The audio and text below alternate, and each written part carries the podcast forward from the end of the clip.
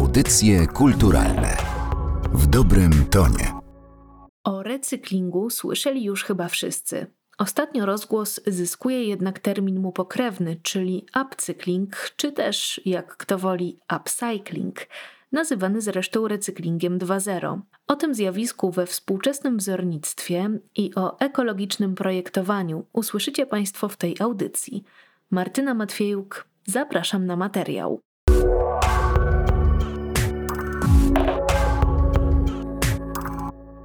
A moją pierwszą rozmówczynią jest dr Agnieszka Jakobson-Cielecka, dyrektor programowa School of Form Uniwersytetu SWPS, kuratorka wystaw wzornictwa, krytyk designu.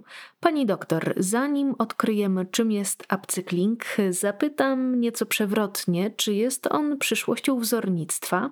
Na pewno w jakimś stopniu tak. Oczywiście to nie jest jedyna droga, no bo też są badania biologiczne, gdzie projektanci próbują hodować różne rzeczy. Także tych wątków jest bardzo wiele, ale na pewno ten upcycling jest, no są takie badania, które mówią, że gdybyśmy przestali produkować, a tylko przerabiać i korzystać z tego, co jest, to mniej więcej by nam to wystarczyło na 30 lat całej ludzkości, więc brzmi to dość przekonująco. Zdecydowanie. Wróćmy jednak do początku. Jak należałoby zdefiniować upcycling i czym różni się on od recyklingu? Z definicji upcycling to jest przerabianie rzeczy, czy robienie rzeczy z innych rzeczy w taki sposób, że wartość tego przedmiotu zyskuje na wartości. Na tym polega to up, bo też może być downcycling, w którym będziemy też przerabiali coś z czegoś, ale w efekcie to będzie, to będzie mniej wartościowe. I w tym upcyclingu mamy różne odcienie, no bo są, jest taki upcycling, który literalnie odpowiada na to, co, o czym mówię, a jest taki upcycling, w którym wykorzystujemy rzeczy rzeczy codziennego użytku do tworzenia na przykład obiektów artystycznych i one wtedy jako obiekt artystyczny zyskują na wartości, ale wtedy jest to mniej, mniej oczywiste, czy też dużo bardziej umowne. Ale też mamy taki wątek, w którym bierzemy rzeczy, które nie mają wartości albo materiały, które uważamy za śmieci i robimy z nich wartościowe przedmioty. No właśnie, czyli pojawia się szansa na wykorzystanie odpadów jako surowca. A jakie Pani zdaniem materiały mają ku temu największy potencjał i cieszą się popularnością wśród projektantów? Nie podejmę się oceny potencjału ale mogę powiedzieć, tak jak sama o tym myślałam, realizując razem z Karolem Murlakiem, moim kolegą ze School of Form i też projektantem wystawy dla e, Festiwalu Designu w Gdyni, gdzie co roku robimy taką wystawę, w której zajmujemy się innym rodzajem odpadów. Więc jedną z tych grup e, są odpady organiczne. Tu są bardzo różne scenariusze, tak? bo są scenariusze takie, w których projektanci sięgają po liście, które się zbiera na ulicach na koniec sezonu, po trociny, próbują wykorzystywać, wracać tak naprawdę do takich bardzo starych technik wytwarzania trwałych, solidnych materiałów zmieszanek organicznych ziemi i trawy. Ale są też tacy projektanci, którzy na przykład hodują. Tak? Jest taki ekscentryczny Brytyjczyk, który się nazywa Gavin Munro, który hoduje krzesła na grządkach. Ma taki sad, w którym to sadzie nie rosną jabłka, tylko jest taki gatunek szybko rosnącej wierzby, którą on formuje w taki sposób, że po ośmiu latach odcina od krzaczka krzesło, na którym można usiąść. No więc jak sobie pomyślimy, że wierzba jest takim jakimś nadbrzeżnym krzakiem, no to, to też się to mieści w kategorii upcyclingu.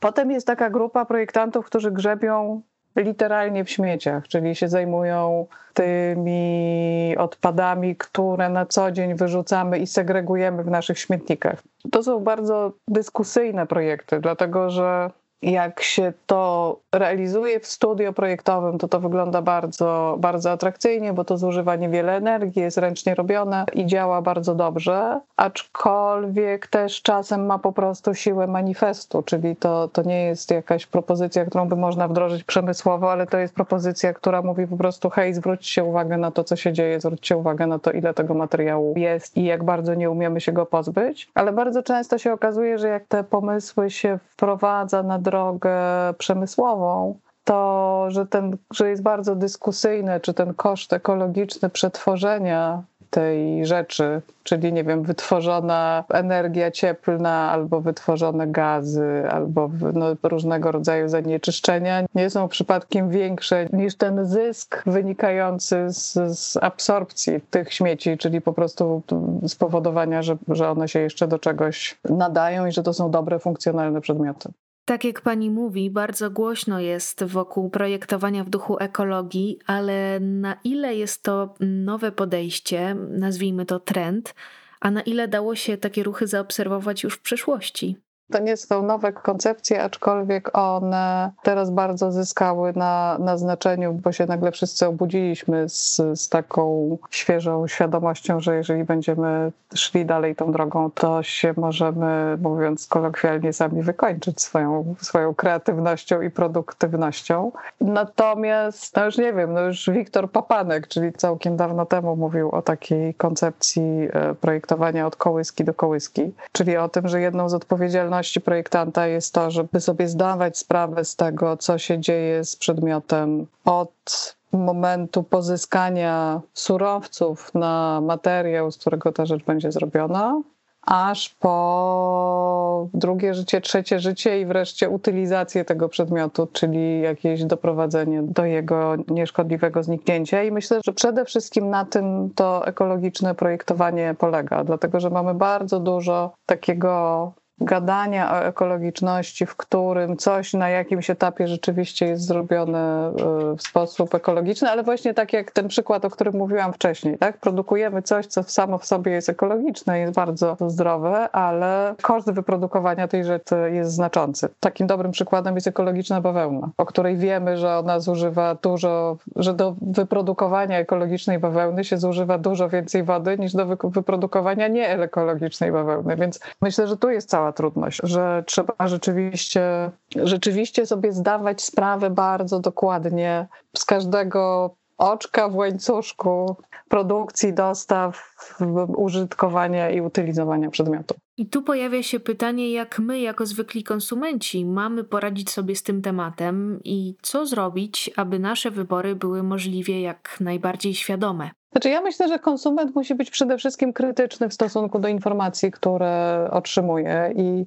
starać się do, do rzeczywiście dociekać prawdy tam, gdzie, gdzie dostaje te informacje na temat utylizowania rzeczy. Dlatego, że myślę, że my mamy trochę taką tendencję do no ponieważ kochamy kupować kolejne rzeczy, więc jak sobie się dowiadujemy, że coś jest ekologiczne, to jest taki rodzaj usprawiedliwienia, żeby kupić kolejną rzecz, której tak naprawdę nie potrzebujemy, no ale ją możemy kupić jednak z czystym sumieniem, bo ona jest ekologiczna. Ale jak się zaczyna szukać, no to się właśnie okazuje to, co mówiłam o tej bawełnie, albo się okazuje, że firmy, które w bardzo szlachetnym celu zbierają jakieś rzeczy, i wydają się być właśnie takie ekologicznie nastawione, ale potem nie sposób się dowiedzieć, co one robią z tymi rzeczami. I, i być może je palą, być może je utylizują w sposób zupełnie nieekologiczny, a być może robią wszystko w porządku, tylko nam o tym nie umieją powiedzieć, więc, więc ja myślę, że to jest taki trochę, no musimy być takimi obserwatorami, spostrzegaczami i rzeczywiście,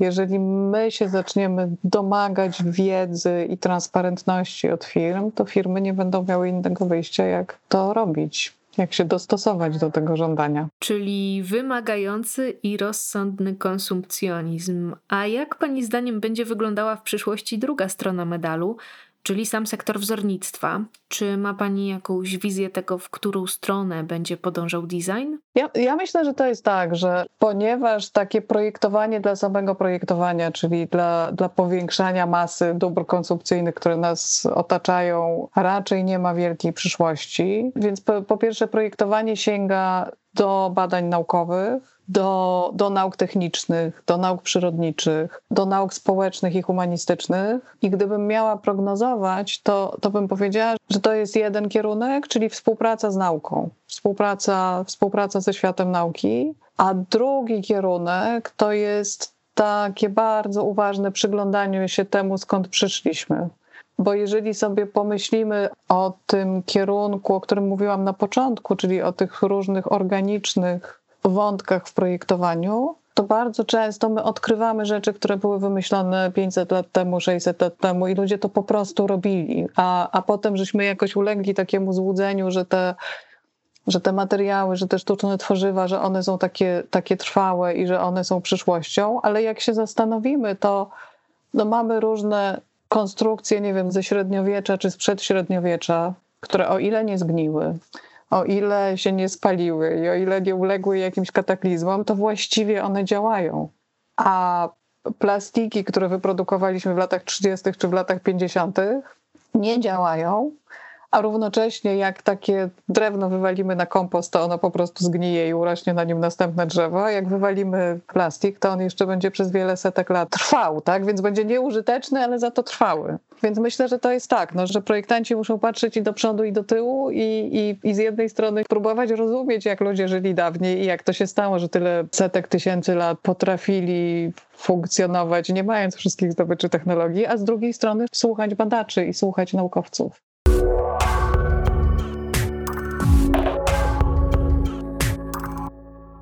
Bardzo dobrym przykładem połączenia wzornictwa, nauki i dbałości o środowisko jest aszka, czyli ceramika stworzona w 70% z popiołu.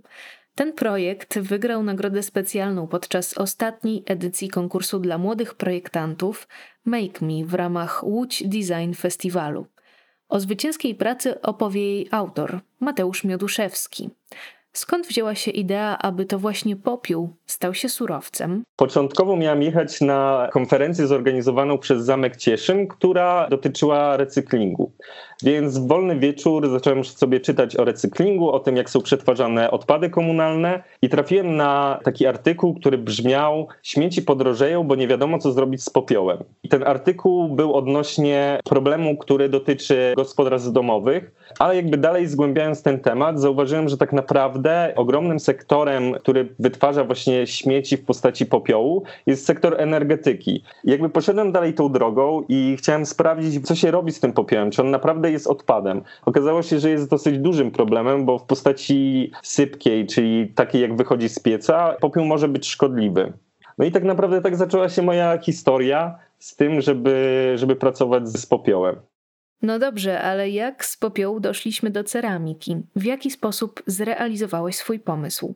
To było dosyć złożone, gdyż na początku nie miałem dostępu do popiołu z elektrowni, więc pozyskałem popiół od zaprzyjaźnionego gospodarstwa domowego i zacząłem analizować, czym jest w ogóle popiół. Okazuje się, że składa się z dużej większości z tlenków krzemu i glinu, czyli materiałów, które są używane w ceramice. Więc stwierdziłem, że skoro w popiele przeważającą częścią są materiały, które są używane w ceramice, to czemu nie spróbować tego połączyć razem z glinami i zobaczyć, czy na przykład ten materiał da się utwardzić w jakiś sposób. Początkowe prace były bardzo skomplikowane, bo nie wiedziałem dokładnie, jak to mieszać, nie wiedziałem w jakim stopniu w ogóle ten popiół będzie dobrze reagował z glinkami. I tak naprawdę polegało to na tworzeniu bardzo dużej ilości serii różnych mieszanek, aż do momentu, kiedy zacząłem zmieniać różne temperatury wypieku i czasu, gdzie zobaczyłem, jak ten popiół tak naprawdę się zachowuje w danej temperaturze. To dało mi możliwość pójścia dalej, czyli sprawdzania dalej na różnych próbach, już z